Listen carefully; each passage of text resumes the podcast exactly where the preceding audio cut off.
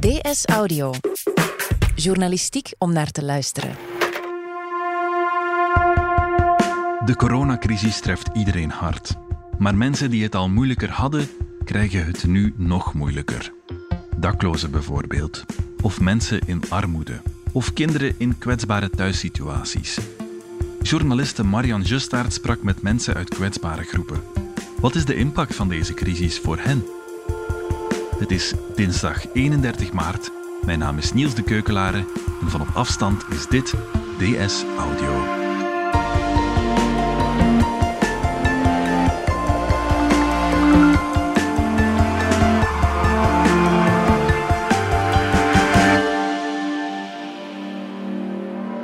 Marian Justaert, je brengt voor de krant de impact van corona op kwetsbare groepen in kaart.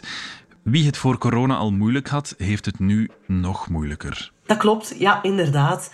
Mensen uit kwetsbare groepen, zij voelen dat des te harder. Uh, wat al die maatregelen teweeg brengen.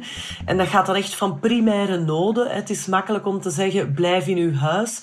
Maar als je geen huis hebt, uh, begin er maar aan. En ga er maar aan staan. Dat gaat ook tot heel praktische dingen. Betalingen met bankkaart. Hoe doe je dat als je geen bankkaart hebt? En zo uh, van die zaken. Ja, kwetsbare groepen, dat is een heel ruim begrip. Over welke groepen gaat het dan? Mensen die in armoede of relatieve armoede leven, die echt aanschurken zo tegen de minimumuitkering, minimumloon. Uh, je hebt ook gedetineerden. Uh, natuurlijk de daklozen en de thuislozen. Je hebt ook de kinderen die opgroeien in kwetsbare thuissituaties. En dan natuurlijk iedereen die uh, lijdt aan een psychische aandoening of die om een of andere reden eigenlijk uh, ja, in de psychiatrie zit, zij voelen dat ook des te harder, uh, mm-hmm. dat je nu niet meer kunt buitenkomen en dreigen toch ook wel in een sociaal isolement uh, te zinken. Ik heb bijvoorbeeld Fatima geïnterviewd. Fatima is 54 jaar. Uh, Zij woont alleen in een heel klein huisje dat ze nog geërfd heeft van haar grootouders. Mm En zij vertelt eigenlijk hoe die coronacrisis heel concreet in haar dagelijks bestaan echt gaten slaagt. Van voedsel tot buiten komen, boodschappen doen, al die zaken. Uh, mm Fatima is iemand die hoogopgeleid is. Ze is universitair geschoold. Ze beantwoordt absoluut niet aan het clichébeeld dat dikwijls de ronde doet over mensen in armoede. Um, ja. Zij zegt, uh, ja, uh, door stom toeval op de sukkel geraakt. Maar ze spreekt daar heel open over. Uh, ik schaam me daar zeker niet, omdat het iets is dat ik niet zelf heb gezocht. Uh, het is niet dat ik niet met mijn geld om kan omgaan, dat is een groot cliché daarover. Het is gewoon een ongelukkige samenloop van omstandigheden. Uh, in gezondheidsproblemen gekomen, daardoor financiële moeilijkheden, tegelijkertijd een, een huis moeten renoveren. Het kan heel, heel snel gaan en mensen realiseren zich dat niet altijd. Zij schaamt zich daar niet voor om te vertellen dat zij in armoede leeft. Uh, Integendeel, ze, ze benadrukt dat eigenlijk wel, uh, hoe snel het kan gaan. Dat ook eigenlijk uh, mensen met een diploma, met heel veel kansen en een goed leven, mm -hmm. of weet ik wat allemaal, toch door, door dikke pech en andere zaken um, heel snel naar beneden kunnen tuimelen en plots uh, met heel weinig moeten rondkomen. Ik denk dat weinig mensen beseffen dat uh, gezondheidsproblemen nu echt in armoede duwen. Ze vindt dat ook haar taak om daarover te babbelen, om een stem te zijn voor andere mensen die in armoede leven en die misschien niet zo mondig zijn als zij. Je zei daarnet, de coronacrisis slaat echt gaten in het dagelijkse leven van Fatima. Kun je dat eens concreet maken? Hoe wordt iemand in haar situatie getroffen door die crisis? Wel, om heel concreet een aantal voorbeelden te geven. Hè. Fatima heeft dus een budgetje van 50 euro de week, maar daarbuiten leefde zij ook van voedselpakketten. Wel, die bedeling is helemaal weggevallen omdat de voedselbank gewoon geen overschotten meer krijgt. Waarom niet? De warenhuizen zitten zonder. Door het hamstergedrag, doordat er veel meer sowieso überhaupt wordt ingekocht door particulieren. Zij zijn die winkels leeg en heeft de VZW niks meer om uit te delen. Ehm, nog zoiets, zij ging zelf boodschappen doen met een gezinshulp. Mag niet meer? Uh, normaal gezien doe ik mijn boodschappen samen met een gezinshulp. Nu, door de coronamaatregelen uh, mag ik niet meer met die gezinshulp meegaan. Nu, toen ik zag wat er in de winkels gebeurde, was ik daar niet rouwig om, want ik had daar niet willen staan. Uh, met wachtrijen, ik ben slechte been, ik zou dat niet gekund hebben. Maar het is wel, het is wel een belangrijk deel van, van uw buitenkomen dat dan toch wegvalt. Dus zij moet er nu op vertrouwen dat die gezinshulp voor haar kan meebrengen. Dikwijls zijn alle witte producten, zoals we dat noemen, uitverkocht. De goedkoopste merken. Uh, je zou dan zeggen, oh ja, dan pakt je een ander merk uh, dat iets duurder is. Maar wij hebben die mogelijkheid niet. Wij moeten toekomen met onze 50 euro per week. Maar iets duurder kopen, sorry, voor ons gaat dat niet. Het gaat ook over hygiëne. Ze zou graag een handgel hebben, maar dat gaat simpelweg niet, dat is te duur. Uh, handschoenen aankopen om zich te beschermen als ze dingen aanraakt, te duur. Je moet ook bedenken, een heleboel goedkope winkels zijn ook gesloten. Ja. Dus dat valt ook al weg. Door een evenwichtstoornis en door gezondheidsproblemen rijdt Fatima met zo'n soort driewieler. Daar doet ze al haar grotere verplaatsingen mee. Ik ben heel blij dat ik die heb, maar inderdaad, als er iets aan is, op dit moment, ja. Eén, het kost geld, ja. sowieso. En twee, ja, de fietsenmakers zijn ook dicht. Ja. Dus er valt echt wel heel, heel veel weg. Haar douche is kapot. Ze heeft geen geld om ja. uh, haar douche te laten maken. Dus ging ze douchen in het zwembad. Maar ja, nu is het zwembad dicht. Mijn douche is kapot. Ik heb niet het geld om die te herstellen. Dus ik moet zien dat ik ergens anders naartoe kan gaan om te douchen. Het zwembad is één mogelijkheid. Daarnaast was er ook nog het wijkcentrum, maar die zijn ook allemaal gesloten. Dus ik stond inderdaad voor een probleem van wat ga ik nu doen. Ja. Nu, ik weet ondertussen dat het CAW hier in Vilvoorde heeft ook een indoopcentrum en daar kan je ook douchen. Zo'n dingen zijn dat allemaal. Je staat daar niet bij stil als je het goed hebt, maar voor hen is dat uh, ongelooflijk ingrijpend.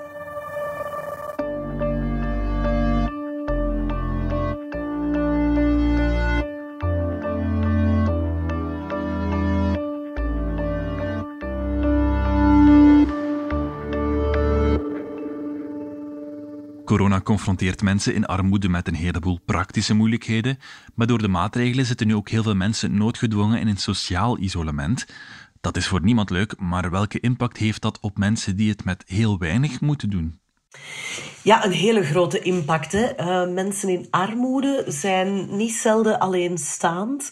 Alleenstaanden mm hebben het sowieso al veel moeilijker deze dagen, omdat ze niemand dreigen te zien. Fatima is gelukkig iemand die heel actief is op Facebook en ze heeft een ongelooflijk netwerk. Maar dat is toch niet hetzelfde, zegt zij ook. Een, een praatje maken mist ze heel erg. En um, zij worden daar uh, op den duur haast depressief van, vertelde ze hm. mij. Er zijn uh, mensen in armoede die, bij wie het echt niet goed gaat, bij wie dat dan begint te malen in hun hoofd ook. Vroeger kwamen die buiten, gingen die dan in een sociaal restaurant voor 1 euro en een keer een maaltijd eten, of konden die terecht in uh, laagdrempelige dienstencentra waar ze dan een gratis koffie kregen, of waar er dan activiteiten werden georganiseerd op zo'n ontmoetingsplek. Maar heel veel van die dingen zijn dicht, hè, omwille van het samenscholingsverbod en het besmettingsgevaar. Nu, uh, de CAW's in Vlaanderen, dat zijn de Centra voor Algemeen Welzijnswerk. Um, zij houden zich sowieso bezig met uh, mensen in kwetsbare posities. Dat gaat dan uh, heel breed eigenlijk. Maar zij hebben ook eigen centra, opvangcentra, ook centra voor dak- en thuislozen. En zij houden hun werking uh, in de mate van het mogelijke wel draaiende en proberen dat heel erg aan te passen, zodat dak- en thuislozen niet in de steek worden gelaten. En dat is ook erg belangrijk om, om toch een beetje een menswaardig bestaan te kunnen leiden, want daar voelen zij zich ook gewoon gewoon eventjes mens. Dat is ook wat wij allemaal nodig hebben. En uh, mensen die het moeilijk hebben, die in precaire omstandigheden uh, moeten voortkrabbelen, die hebben dat des te harder nodig. Heel wat mensen in armoede wonen in huizen die niet in goede staat zijn. Sommigen hebben zelfs geen woning. Dan wordt quarantaine wel heel erg moeilijk. Ja, klopt helemaal. Hè. En de dak- en thuisloze organisaties hebben ook direct aan de alarmbel getrokken toen eh, de quarantaine werd aangekondigd. Zo ja, sorry, wij zitten hier maar op straat. Mm wij moeten het zonder huis doen. Wij hebben niet eens een keuze. Zij lopen voortdurend besmettingsgevaar. En omdat zij uh, al een, gestigmatiseerd worden of toch zo'n beetje een, een stempel dragen van dak- en thuislozen die weinig hygiëne hebben, lopen mensen nu nog in een grotere boog rond hen heen. En dat weegt wel. Dat is echt wel zwaar voor die mensen. Uh, Ook ja, heel veel centra met douches die dicht zijn. Opnieuw. Um, uh, hygiënemaatregelen zijn voor hen geen optie. Hè. Handen wassen om het uur, zoals Maggie de Blok zegt. Ja, begin er maar aan. Hè, als je mhm. dakloos bent en op straat leeft. Veel mensen die in armoede of relatieve armoede leven, uh, wonen ook uh, op heel kleine appartementjes of sociale woningsjes. Uh, vaak met een, gans gezin, groot gezin.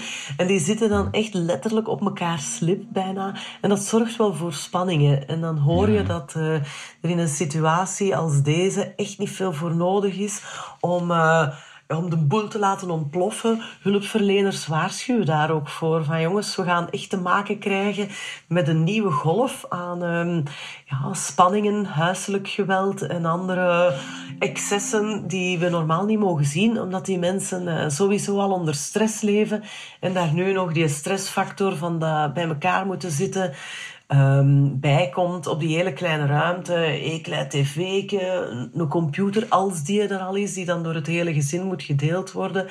En uh, dat zoiets escaleert, ja, dat zal niemand verbazen.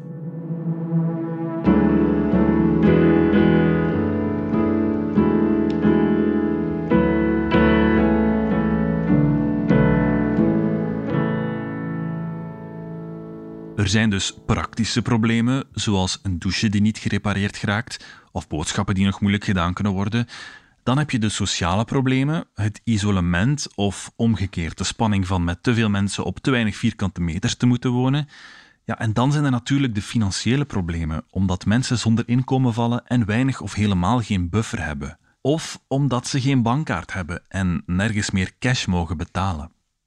Iets wat nog meespeelt is dat heel veel uh, mensen in armoede op een of andere manier ook gezondheidsproblemen hebben. Van het een mhm. heeft met het ander te maken. Niet zelden zijn ze in armoede geraakt door die gezondheidsproblemen, door uh, te moeten thuisblijven wegens ziekte, niet meer te kunnen werken, een hele rollercoaster enzovoort. Mm Maar dus nog altijd medisch uh, hebben die altijd van alles voor.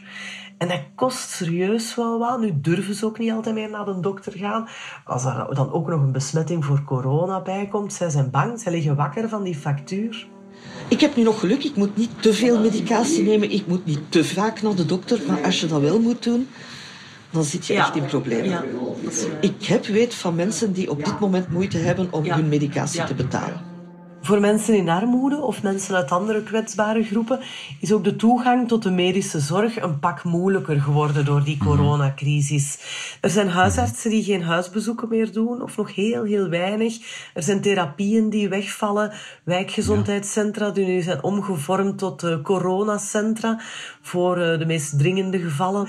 Maar dat betekent wel dat de vertrouwde, vaste laagdrempelige arts waar uh, mensen uit kwetsbare groepen zich uh, doorgaans of in normale tijden tot kunnen wenden, dat die nu vaak uh, niet beschikbaar is of aan de slag is voor corona. Patiënten. Ik heb een aantal afspraken rond de zomerperiode. Ik weet niet of die gaan doorgaan.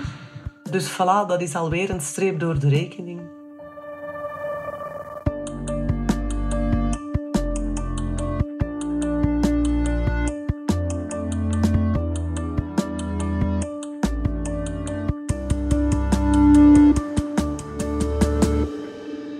We hebben het nu over volwassenen in kwetsbare situaties, maar ook veel kinderen zitten in zo'n situatie.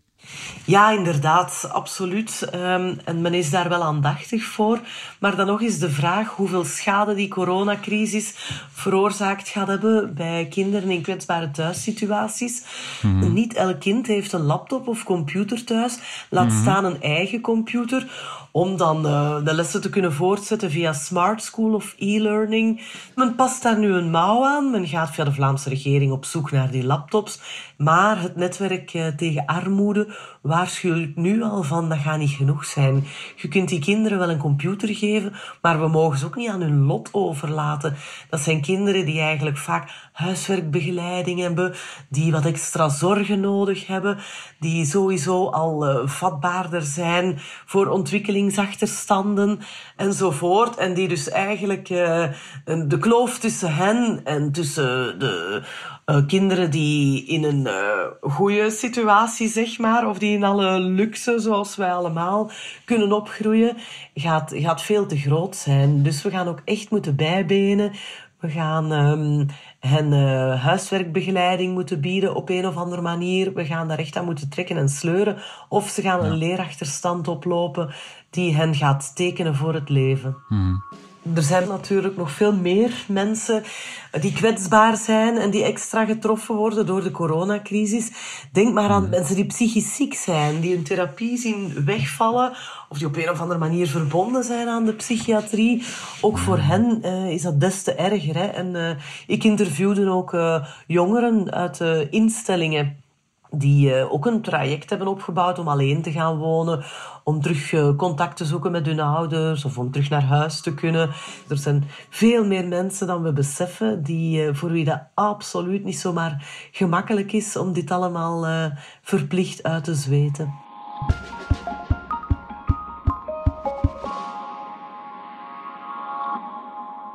Het water staat heel veel mensen, individuen, dus aan de lippen.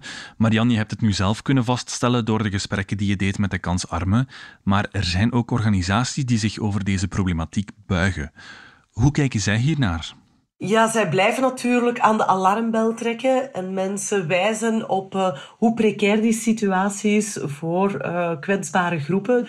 En dus zij proberen de overheid attent te maken op het feit uh, dat het nu echt wel hoog tijd is om een aantal acute noodsituaties aan te pakken of te verlichten door tijdelijk mm -hmm. schulduitstel en dergelijke meer. Ze zeggen dan, kijk, wat voor bedrijven kan moet nu ook wel echt voor mensen in armoede kunnen.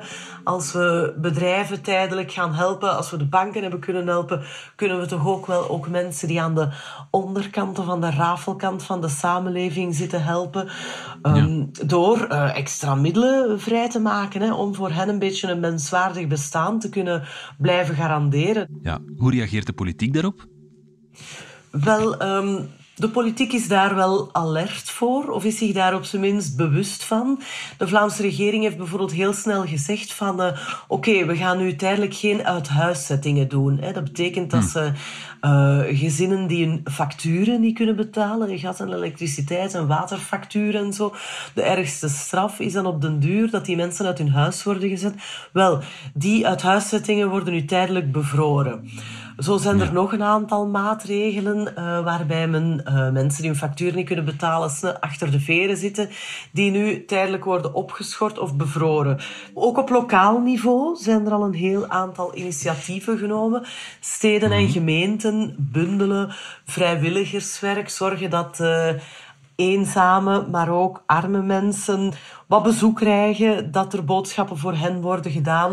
Het zijn soms ook heel schijnbaar uh, kleine dingetjes, zoals de stad Brussel die de drinkwaterfonteinen heeft gerepareerd en allemaal voorzien heeft van uh, drinkbaar water, zodat dak- en thuisloze mensen die leven op straat zich minstens aan die fonteinen wat kunnen wassen, opfrissen enzovoort. Maar het blijft wel een grote zorg hoor. Ja, nemen burgers ook initiatief? Ja, absoluut. Iedereen zal dat wel al gemerkt hebben in zijn of haar omgeving. De coronacrisis heeft uh, één heel positieve uh, zaak met zich meegebracht. En dat is een grote solidariteitsgolf die ontstaat. Mhm. Niet alleen jegens het medisch personeel en de dokters, waarvoor dat we allemaal massaal witte lakens buiten hangen en applaus geven, maar ook naar medeburgers toe. Hè. En ik heb het zelf ondervonden. Ik had mij ingeschreven in de vrijwilligerscentrale van mijn stad hier. En ik kreeg al te horen dat het voorlopig niet nodig was dat ik in actie schoot, omdat er mensen genoeg waren om voor anderen te zorgen. En dat ging over heel onnozele dingen, zoals brieven schrijven of boodschappen doen, een keer een praatje maken via de telefoon, tekeningen opsturen enzovoort. Dus dat is wel heel tof. En dat merken zij ook. Fatima zei mij dat. Van, wij merken uh, dat mensen vragen, waar kunnen we dit doen, waar kunnen we dat doen. En dat mm. is wel echt ja. uh, hartverwarmend om te zien. Ja, ja, ja. Er is heel veel solidariteit. Als ik in mijn groep de vraag stel de, de, opmerking maak van ja, door het hamstergedrag van veel mensen hebben wij nu veel minder, dan zijn er meteen mensen die reageren van oh, maar dan moeten wij gewoon voedsel inzamelen. En ik zie dan een aantal mensen uit mijn omgeving inderdaad op hun Facebook een, een, een eh, oproep hebben gelanceerd om voedsel in te zamelen voor ons. Dus dat helpt echt wel. Maar feit blijft dat armoedebestrijding geen taak is van burgers, of toch zeker niet alleen van burgers. Het is mooi dat we daar alert voor zijn, maar in eerste instantie is het een opdracht voor de overheid. Een staat moet mhm. zorgen voor haar burgers, voor haar mensen omdat ik inderdaad een goed netwerk heb, onder, onder meer via sociale media, maak ik mij geen zorgen omdat ik er wel kom. Maar ik maak mij zorgen over al die andere mensen die niet dat netwerk hebben. Daar ben ik heel bezorgd over. En ik hou ook altijd in het achterhoofd, er zijn andere mensen die het moeilijker hebben dan ik. En ik wil voor die mensen ook een oplossing. Marianne Justaert, dankjewel. Graag gedaan. Zeg je zijn een engel. Ja, net. Graag gedaan. In deze aflevering hoorde je Marian Justaert, Fatima en mezelf Niels de Keukelare. De redactie gebeurde door Sophie Albrecht en Joris van Damme, de eindredactie door Pieter van Malen en Wouter van Driessen. Joris van Damme en Brecht Plasgaard deden de audioproductie. Brecht schreef de muziek die je hoorde in deze podcast. Chef audio is Wouter van Driessen. Vond je deze podcast interessant? Weet dan dat je er elke werkdag één kunt beluisteren. Dat kan via de DS Nieuws app of via standaard.be-audio. Je kunt je ook abonneren via Apple Podcast, Spotify of de podcast-app van jouw keuze. En als je daar dan toch bent, schrijf gerust een review. Zo toon je ook anderen de weg. En we vertellen met de standaard natuurlijk niet enkel in onze podcasts over wat er in de wereld gebeurt. We doen dat ook in de krant en online. Benieuwd naar een abonnement? Ga dan zeker eens kijken op standaard.be-voordelig. Daar ontdek je ons aanbod en onze promoties. Morgen zijn we er opnieuw.